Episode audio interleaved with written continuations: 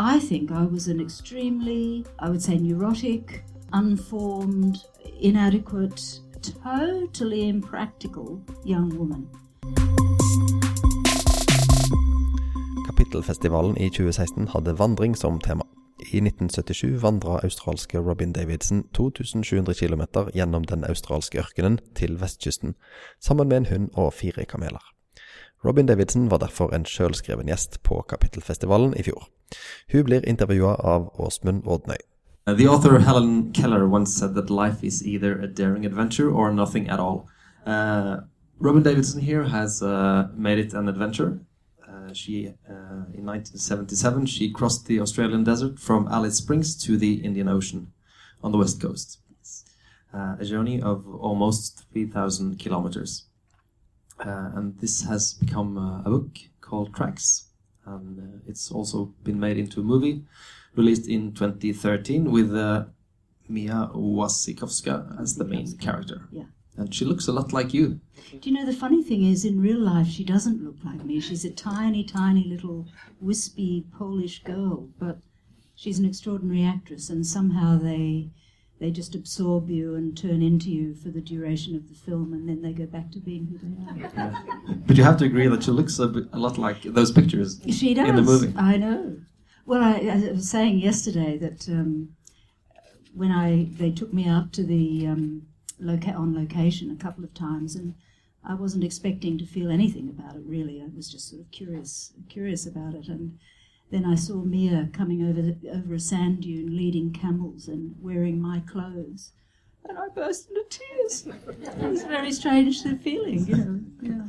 Mm. Uh, why? Why were you crying? Well, I don't know. It was just so it was seeing this other version of myself, but I guess it brought back all sorts of memories, and um, it was most unexpected. Actually, uh, I wasn't yeah. expecting that response. No, you, you thought you were prepared for uh, that? Yeah, I thought a film. You know, who cares?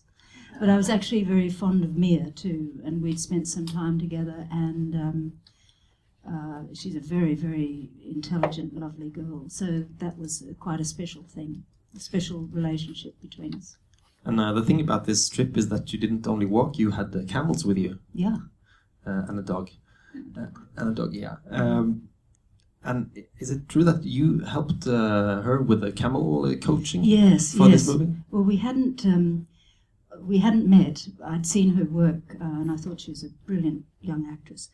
Um, but we hadn't met, and the producers of the film um, flew us out to a place in the country where the camels, the the the wrangler, had his camels, and he wanted me to introduce Mia to these camels. And we were both quite reserved, shy people. And so she was on one side of the plane looking out the window like this, and I was on the other side of the plane looking out the window like that. But it was really amazing that as soon as she saw the camels, she was absolutely fearless and just went straight up to them, and I thought, oh, she's going to be fine. Um, and I think that's sort of when we bonded. We was really interesting because, of course, she's some sort of offspring. She's like an offspring of mine. She's like a daughter or a niece or something. Um, because she's me. She's a sort of version of me. Um, but it, it, did make um, for a very tender uh, time together on that film. It was really very, very nice. How do you deal with camels? What's the key? well, it's interesting because everyone, my camels were very particular, very singular, very eccentric, perfectly trained, I might add, by myself. Um, they all had very different personalities. Um, and they have a bad reputation, camels, because most people associate them um, with countries where they're treated quite harshly. Um, and if, of course, like any animal, if you treat it harshly, it will be harsh in return. Uh, my camels were like, I'd say, they had the intelligence of maybe eight-year-old children. Um, very witty, um, affectionate, loyal, really fantastic animals. They are hard to train because they're not truly domesticated. Um, so you do have to be firm with them until they know who's boss. But once you set up that relationship, honestly, I could do anything with my animals. I could hang off their tails, I could pick up their legs, I could do anything with them. And it was a, a sort of mutual trust, I guess. Um, but that took two years' hard work to get to get them to that stage. Mm. Yeah. But when I read your book, uh, it seemed to me like uh, you loved camels before you had met them. Look, not really. I No? who'd ever seen a camel, schmamel. What do I know about a camel? But, but you were Um, very affectionate uh, from the very beginning. Yes, well, I, I came across this lunatic. Uh, If you read the book, you'll find out about Kurt. Um, he was this very deeply weird um, Austrian who had set up a camel tourist business in Alice Springs, and everyone warned me against him and said he was a nutcase. And um, but I went out to his place where he was. He kept these camels, and I could tell instantly that he was a sort of genius with these animals. Um, so I worked for him for a year on the understanding that at the end of that year, I worked for nothing from four o'clock in the morning, seven days a week. Um, um, and the understanding was that at the end of that year, he would give me two of his camels. Um, and he was a terrific trainer in the sense that he just he didn't give me a chance to feel frightened. He just threw me into the deep end, but in a clever way, so I wasn't frightened. So I learned a, a hell of a lot from him, and um, he built up my confidence with the animals. So, for example, I could gallop them bareback down a creek bed with just a tiny piece of string on their noses. Um, and I learned, you know, how to build saddles, all of those things. So even though he was a monster, he taught me a lot. So I owe him, you know, I owe him a lot. If we go back to the the, the beginning of this Yeah. uh, trip, Yeah. uh, can you describe the ki- the person you were in your mid twenties when you decided to do the, do this? yeah.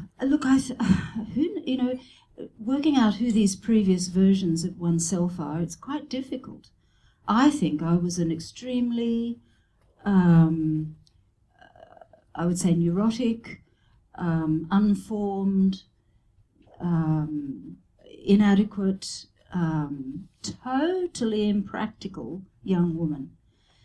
But somehow I knew that if I did something demanding, if I could just sort of get to the end of it, it would sort of make a whole person of me, and I and it worked. You know, I do think that it um, it sort of pulled me together, but it also made me realise how many skills I had that I had no idea I had, and I think that must be true for everybody. That it's by sort of plunging yourself into difficult situations that you actually learn and find out how capable or competent you are. And I always think it's such a shame that we don't ever discover what those, you know, if we don't extend our ban- boundaries, we never quite discover how, you know, how talented we all are, I guess. But uh, why go to these lengths to prove yourself? Yeah, it's a good question. I've never been able to answer it. But you see, I don't think I saw it quite in those terms. It wasn't about proving myself to anything outside. It No, was but to something about to myself. Yeah. Um, why the desert? Well, I was drawn to that landscape um, for whatever reason. Who knows? Um, some people have suggested it was to do with my parents. My father was a, a sort of big game hunter in Africa back in the twenties. Um, I don't, you know, maybe, maybe, but I don't see it that way. It just seemed to evolve out of where my life was at that time. Um, I had no money, so I couldn't buy a car or anything like that. I had to work for those camels. So I said a couple of days ago that the camels were a sort of secondary thing. They were just a solution to having no money. You know, they were very practical. It was a very practical way of being in the desert because I could work for the animals and I didn't have to spend money. Uh, Was there? Uh, do you remember one specific um, the moment when you decided to do this? Look, there was a moment, I, oh, it's, but it's a bit of a long story, and it Yeah, also, I don't know how many of you remember the 70s. Um, we were all kind of wild children in the 70s, and I had been living in Sydney and I went back to my hometown in Brisbane and one day I got a telegram. Remember when there were telegrams? And this telegram said, Come to Armidale immediately, love Jill. Nothing else, no explanation, nothing. So I hopped on a bus and I Where, where's that? Okay, it's so if that's so if that's in Queensland in the north, Armidale's there, Melbourne's down there. So it was about a, a ten hour journey by bus. Okay. Right. So I just decided, oh, okay. So off I went, and she had been working with a Polish theatre director called Grotowski, and he was doing this wild theatrical stuff where he'd take young people and sort of isolate them for a week and you know unpick their brains and then put their brains back together again. And i was and my friend had wanted me to come to this and join in this the- theatre workshop. So i did and i actually hated the man who led the workshop but nevertheless um, at the end of this five days of being in this group um, and we hadn't slept we hadn't eaten we were sort of off with the fairies a bit and he said, What is the substance of the world in which you live? And for some reason, we all said different things, but for some reason, in my case, uh, the subconscious sort of burst out with this fire, purity, hot wind, desert, these very masculine symbols. And Australian symbols. Indeed. Yeah. And that was when I just decided I wanted to be in the desert and I wanted to sort of explore what that all meant. So that's how that was the sort of origin. Mm. So you trained for two years, and then it was uh, time to start the trip. Yeah. Uh, I was wondering what what um, what were you the least prepared for of all the things you experienced on those in those months you you were on the road. Oh, so many things. Um, well, the, the two, I wasn't prepared for the two years preparation, and I think that was the hardest part. And it was really not so much, it wasn't so much the camels or any of those things, those skills that I had to learn, but how to deal with people and how to deal with, because Alice Springs then was a very masculine, rough frontier town. The police would come out and sort of bully me and say, We're going to stop you going. And um, so there, all, there was all sorts of uh, antagonism towards me because I was different and I wanted to do this crazy thing, and they all thought I was mad. And so I had to really kind of stand up for myself in a way that I, I don't think I quite had had to do before. In terms of the journey itself, the most important thing I learned, and I learned it quite early on, was never to trust a map. If it's a choice between trusting a map and trusting your instinct, you go with the instinct. because in those days, the maps I used were 1 to 250,000 series maps. And I don't know who those guys were up, up in those aeroplanes, you know, making those maps, but they were really um, wicked because sometimes they'd just put a sandhill there that wasn't there. Um, so quite early on, I sort of got semi lost by following what I thought was on the map, and and I sort of knew it was wrong. And then I went back to where I'd started and thought, no, I'm going to do it my way, and I was right. So did you just uh, navigate by compass, just Compass. straight west? Yeah. Or com- well, it's a combination of things. So um, it's hard to explain. Depending on the sort of country you're in, there might be little dirt tracks where a four wheel drive went across, could be a decade ago. Um, now, you know that you're heading mainly in that direction, but these three little tracks all head more or less in that direction. So if you choose that one and it's the wrong one, you may walk 10 miles before you realize that you're on the wrong, one and you have to walk 10 miles back. That's a day. And if you haven't got enough water, that day can kill you. So it's this combination of reading the map, instinct, tracking, you know, tracking, um, you know, when you're coming close to a water source, you'll start to see animal pads coming in, so you know you're sort of heading towards water. So it's a combination of all sorts of things, and those are uh, bush skills that I had to learn in that two years.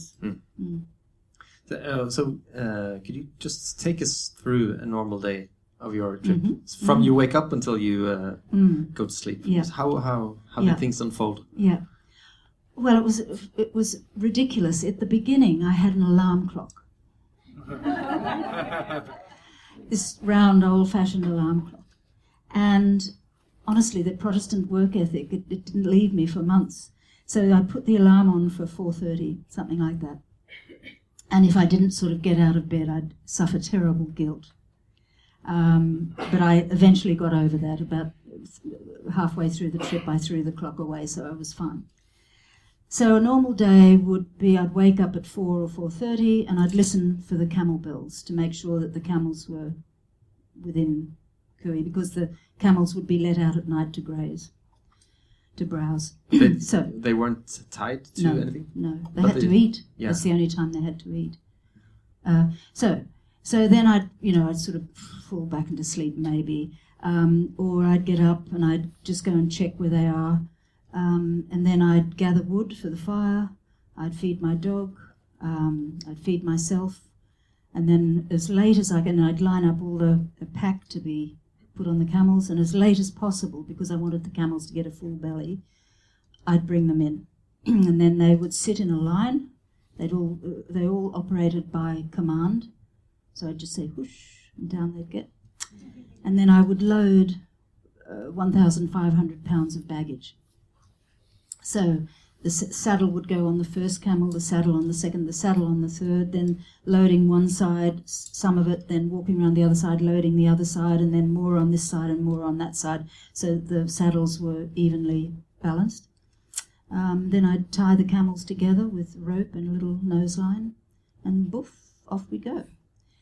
And I walk normally about roughly 20 miles a day, um, but I always, my campsites were always with the camels' best interests at heart because I wanted them to have good food. So, you know, I might have gone 18 miles and we'd come across some nice mulga and I knew that they'd get a full belly, so we'd camp there. Um, so then we'd pull in to camp. Um, I'd sit them down. I'd unload 1,500 pounds of baggage. I'd let the I'd hobble the camels, but they can gallop for miles in hobbles, so it's hardly you know it doesn't stop them. Um, and they'd go off to feed, and then the same thing at night. I'd gather wood. I'd make the fire. I'd cook food. I'd l- look at the stars. I'd you know enjoy But life. what, what do you think about when you're walking during the day? Is it all uh, to do with the trip? Where to go? no, what to eat? it was really or, interesting. It was really interesting the effect it had on the mind. Mhm. Um, so initially, uh, you know, the clock is a good example. But initially, I was filled with anxiety. You know, you're always sort of ahead of yourself. Am I, you know, am I going to do this okay? The camel's all right. Is the dog okay? Am I okay? What if there's not? You know, blah blah. And this noise inside your head, it's like a this awful noise, and you become aware of how stupid your mind is. Um, and slowly through the trip, that started. It was like getting rid of garbage. It was like shoveling garbage out of your head. Um, and I do believe that there's something about walking, the process of walking day after day after day, and being in that enormous, huge landscape, that you start to become sane. There's something about it, physically and mentally. Um, I also had an old Aboriginal bloke stay with me, and that changed things a bit. Um, but afterwards, I kind of entered that desert mentally as it as as something that belonged in it, and it was like uh, the mind just got rewired. It was really quite an extraordinary thing. Um, it's very hard to explain, but it, I was uh, the I, the paradox was that the further I got away from the possibility of contact with any human being, the closer I felt to the world, if you like. It's uh, interesting. to to the world or to to other people or to, To uh, everything. nature? To everything. Okay. To sort of everything. Hmm. And, uh, uh, well, I'll explain, I'll try. There was a sense that.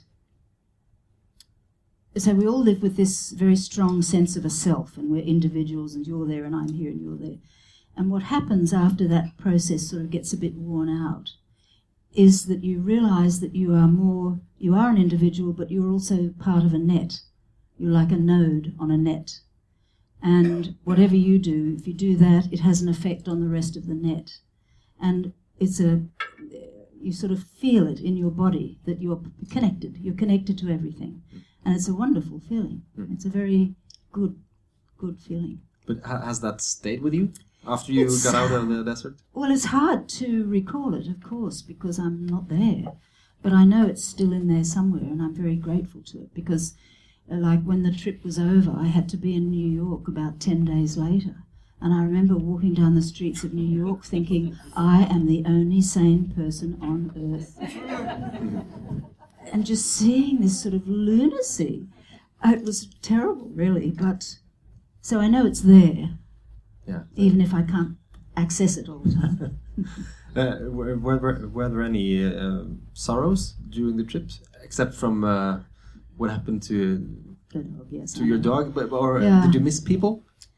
Can't say I did. No. I don't know what that says about me, but well, I, well, I thought about I thought about my dad in particular um, because uh, I'm very deeply fond of my dad, and I knew that he was worrying about me. So I guess that concerned me, but but also, you know, young people are selfish. We don't really, when you're young, you don't sort of think about how appalling it is for the ones you've left behind. Um, so no, I didn't miss people. I, I can't say that I did. But uh, uh, in the book, there are a lot of people warning you against uh, Mm. doing this, Mm. and still you made it.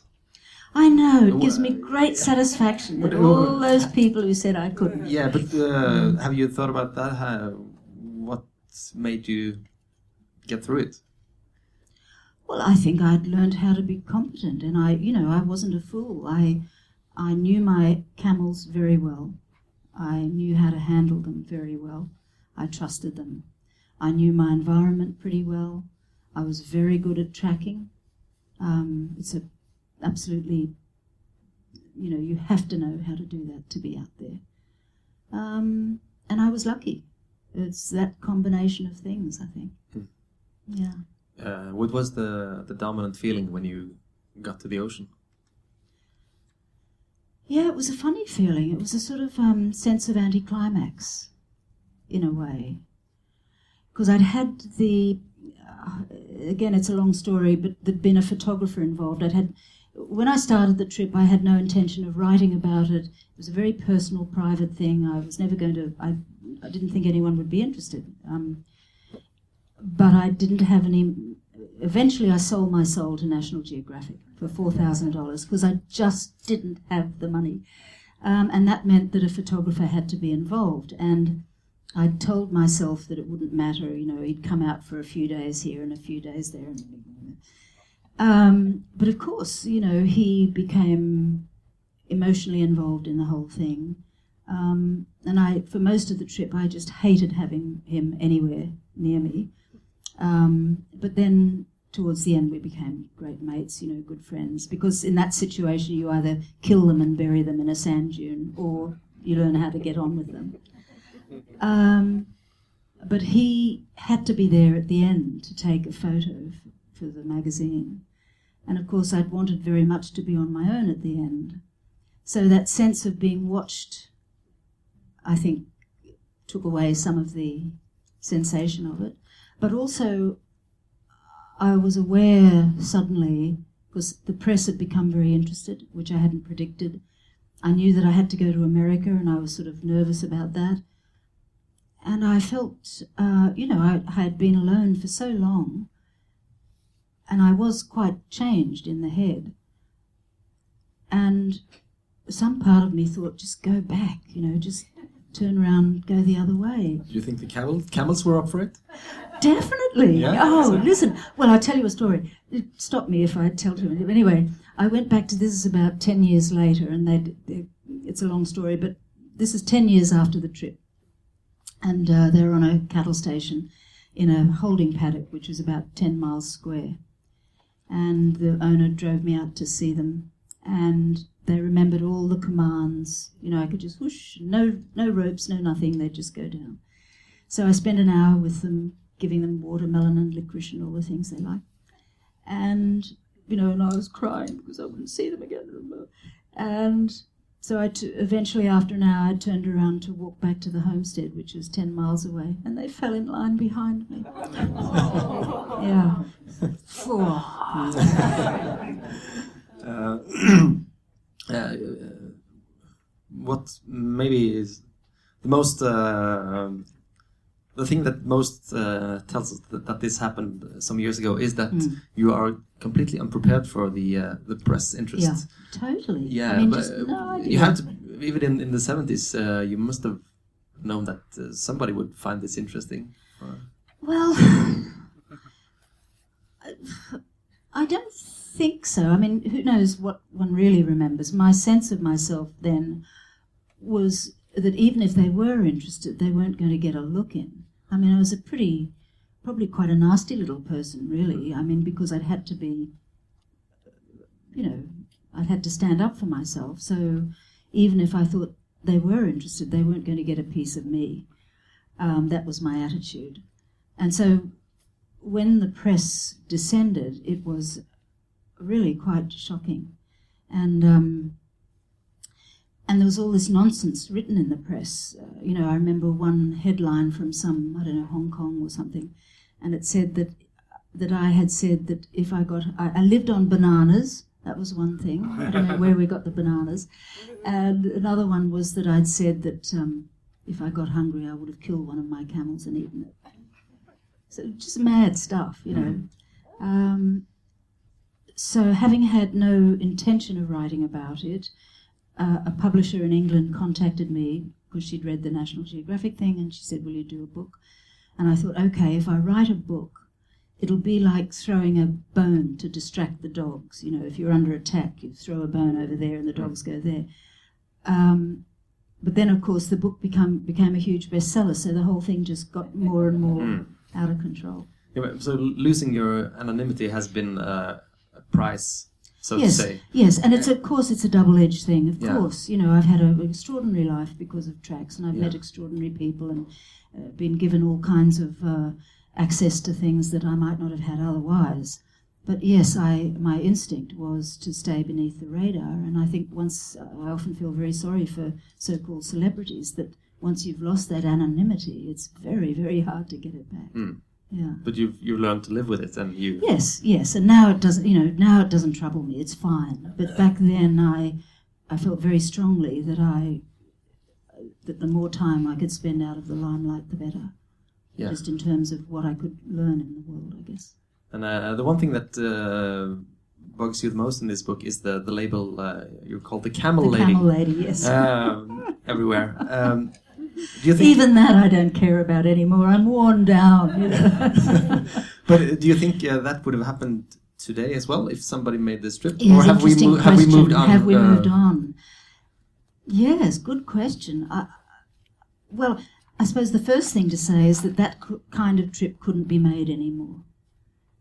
You know, we've got cell phones, we've got satellite phones, we've got we're all plugged into this other kind of network that's inescapable.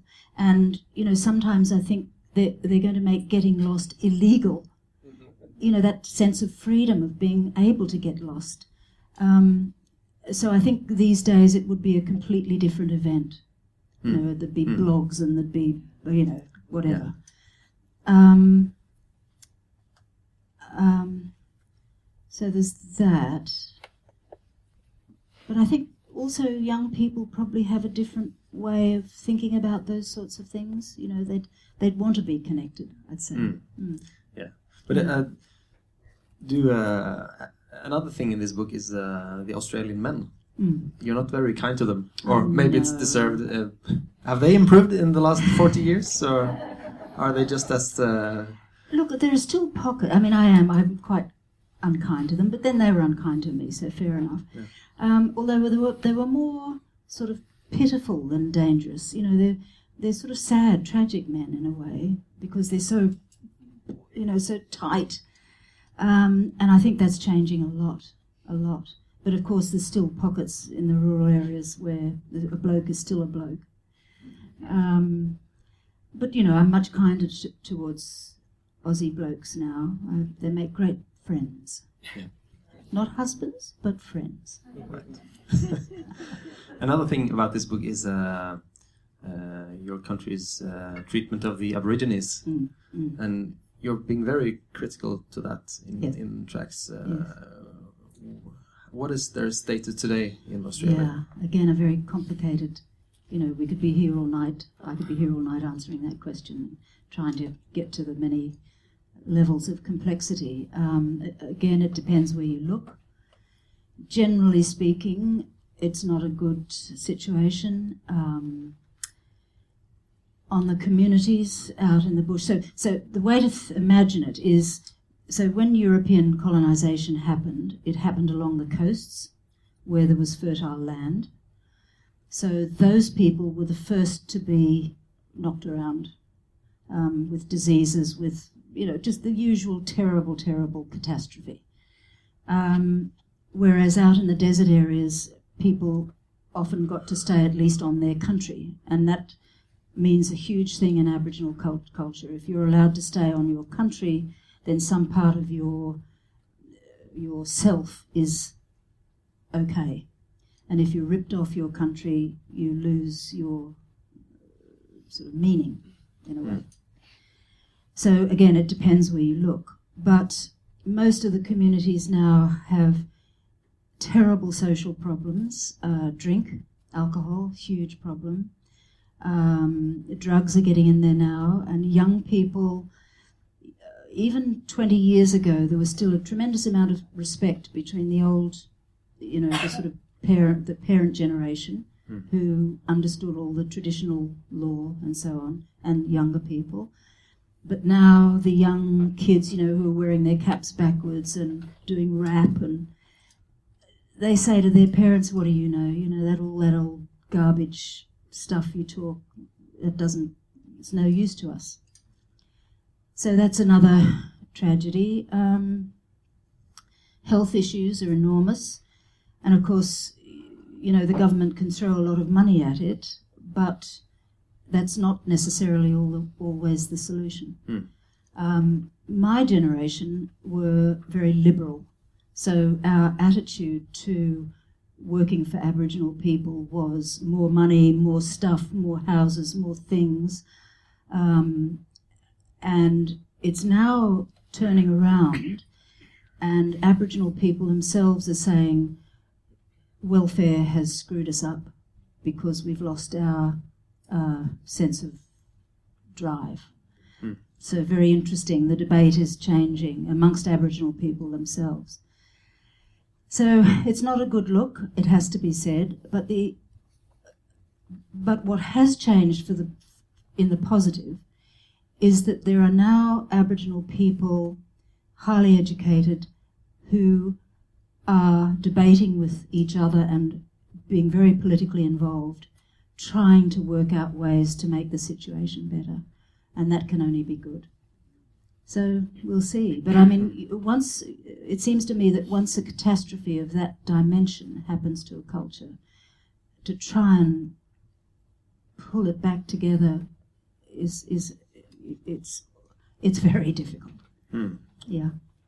Um, h- do you ever think uh, what your life would be like if this if you hadn't If played this book? I, I think about it a lot. yeah. I do. I really and- do. Well, I wouldn't have been a writer. I probably would have gone back to music, maybe. I don't know. But uh, yeah, it's a. I do think about that a lot. I'd have just been a different human being. So, It's kind of scary. Yeah. you talked about this before in the Kapittel Festival, but uh, uh, what has happened to you since uh, releasing this book Mm. all those years ago? Well, life just totally transformed. You know, um, I. Well, the first thing, well, I had to go to America to get the National Geographic thing done, and to everyone's surprise, they found out I could write. To my surprise as well. Um, so then, when I was contacted by this English, uh, by Jonathan Cape, I sort of understood that I could do a book. And as I said, it was a way of protecting what I thought of protecting my myself. Um, but when tracks became a big bestseller. Oh, and then I'd written to a very famous writer called Doris Lessing. I assume you, most of you know anyway. And in my sort of greenhorn youth, I wrote her a letter. And extraordinary Doris, for some reason, answered in a very kind way, and we set up a correspondence. And we wrote quite a lot. Why she chose to do that again, who knows? Um, so she said, Look, you're, if you can write a good letter, you can write a good book. Your publishers are here in England. Why don't you come to England and write it here? I said, Oh, yeah, okay. so, so I went to England, and and Doris, I lived in this terrible little dump, and she visited one day, and she said, "Robbie, dear, you cannot live like this. You'd better come and live in my house." So again, this tremendous luck that this hero of mine just sort of took me under her wing, and um, again, it that also sort of transformed my life in some ways. Mm. Huh. Uh, today, it seems a bit backwards uh, today from what your motivations were, because now people maybe they go on these trips in order to make a book about it. Exactly, Uh, I know. uh, it's all uh, back to front. That's yeah. your blog. Yes, yes, yes. I'm very against it, I must say. Yeah. But hmm. But you must have talked to hundred, uh, hundreds of travelers since you made this trip. And uh, what are people's motivation? motivations. Look, I think we just live in a completely different world. It's just a different world. It, um, I mean, I love young people. I love talking to them. I love being with them. But they simply think in a different way. Um, I think the, the, the technology that we live with is transforming so many things. Uh, and I've just escaped all of that. But for them, it's inescapable. It's just part of how they are in the world. Um, and along with that, values change too. I think, I don't know about in Norway, but certainly in Australia, it seems to me that young people are much more materialistic. They like to have stuff. And they assume they can have stuff and will have stuff. Um, and so they like money and they like making money, and it's just a different way of thinking. But you must get a lot of uh, mail or letters. I used to, less so now. Yeah. Some, some. But do, did they ask you for advice or? Uh, The younger ones do, and it's just one of the delights, actually, is um, these young girls who are just sort of coming into questioning themselves and life, you know, 10 year olds, 12 year olds, 13 year olds, and sometimes I get letters from them, and it's always just so charming and lovely. uh, Because what you do they- feel that you, well, they What do of- they write? they, they, well, I just, there was a lovely girl in China, a European girl, but living in China. And she's been writing to me, and first of all, she said, "Oh, you're so brave," and all those, th- you know, the things that, and I want to do something like that. And I'd write back and say, "Well, actually, I wasn't all that brave, and you know, you don't have to cross a desert; you can do it in another way." And then she wrote back and talked about how she was worried about not being able to do mathematics and uh, just this just fabulous dialogue to have with a little girl. It was really lovely. So, and I do feel quite strongly that it's good for young girls to have this sort of idea available to them. Mm. Uh, it's nice. How do you feel about uh, having become a kind of a feminist symbol? I'm okay with book. that. You think that's okay? I think it's okay. Yeah. Uh, it's I don't mind that at all. Yeah. It's been called. Uh, uh, But I think It's- it's you know been- I'd love men to have it as well. It's not. Yeah. I think you know we misunderstand feminism when we just assume it's for girl, for women. It's feminism's for everybody. It sort of makes a better culture. It makes a better society. It's just how it should be. Mm. And it's been it's been uh, described in so many ways, uh, such as it's the female version of Zen and the art of uh, motorcycle. Motorcycle. Yeah, a very seventies book as well. Yeah, a very Yeah, 70s yeah, book. Yeah, yeah. Uh, uh, to finish, I would just uh, like to uh, get some of your uh, recommendations for books about people who travel. Look, the weird thing is, I mean, I'm terribly sorry about this, but I don't really read much travel literature. And in fact, well, you know, look, there's fabulous travel literature, but it's not something I necessarily read because I have written a, a so called travel book, because I don't see myself as a travel writer. I'm just a writer. Um, but you know, I mean, V.S. Naipaul, extraordinary writer, and whether you classify him as a travel writer or not, I'm not sure. But I did write a, I put together a, a collection for Picador, um, uh, Picador Book of Journeys, and it was a year I spent in the British Library just trying to find literature about movement that wasn't sort of classic travel writing stuff. And I, it was pure joy. And um, there's so many, you know, Kafka. I found this wonderful piece by Kafka about being in a nudist colony. Um, Kafka in a nudist colony, who knew? And he, he had this physical disgust at watching these naked men jump over um, things, and you can just imagine. So the book was full of those sorts of things that you wouldn't expect to be in a travel book. Oh, there is one, there are two travel books that I found that absolutely were extraordinary. One was by Apsley Cherry Garrard uh, in the early, uh, just before the First World War. And he went to Antarctica um, and he and his people walked across a part of Antarctica in midwinter midwinter to get to collect king penguin eggs. I mean, they were completely bonkers. And the, it's called it's called The Worst Journey in the World, and it is a marvelous book. I mean, it's just a marvelous book. So I took some of that into the anthology. And the other one I discovered was um, by a, um, an army engineer in Brazil in 19th century somewhere. I've forgotten exactly where. And he went out with the army to try and rid this area, this desert area in Brazil called Sertão. And there were these bandits living there. There was this huge community of bandits. And this, again, this extraordinary tale of how many times the army, they went out with the army to try and eradicate these bandits. I mean, just fabulous, fabulous book. Um, so those were real finds. Hmm. Um, but I think a lot of contemporary travel literature, again, you know, travel writers will go into a publisher and say, well, you know, I think I'm maybe I'll go to Greece and can I will that be a commercial success? And the publisher will say, yeah. So there's something not quite. Yeah. Yeah. Mm. Mm. Uh, Robyn Davidson, it's been a pleasure. It's been a pleasure. Thank Good you. Good luck. Thank you very much.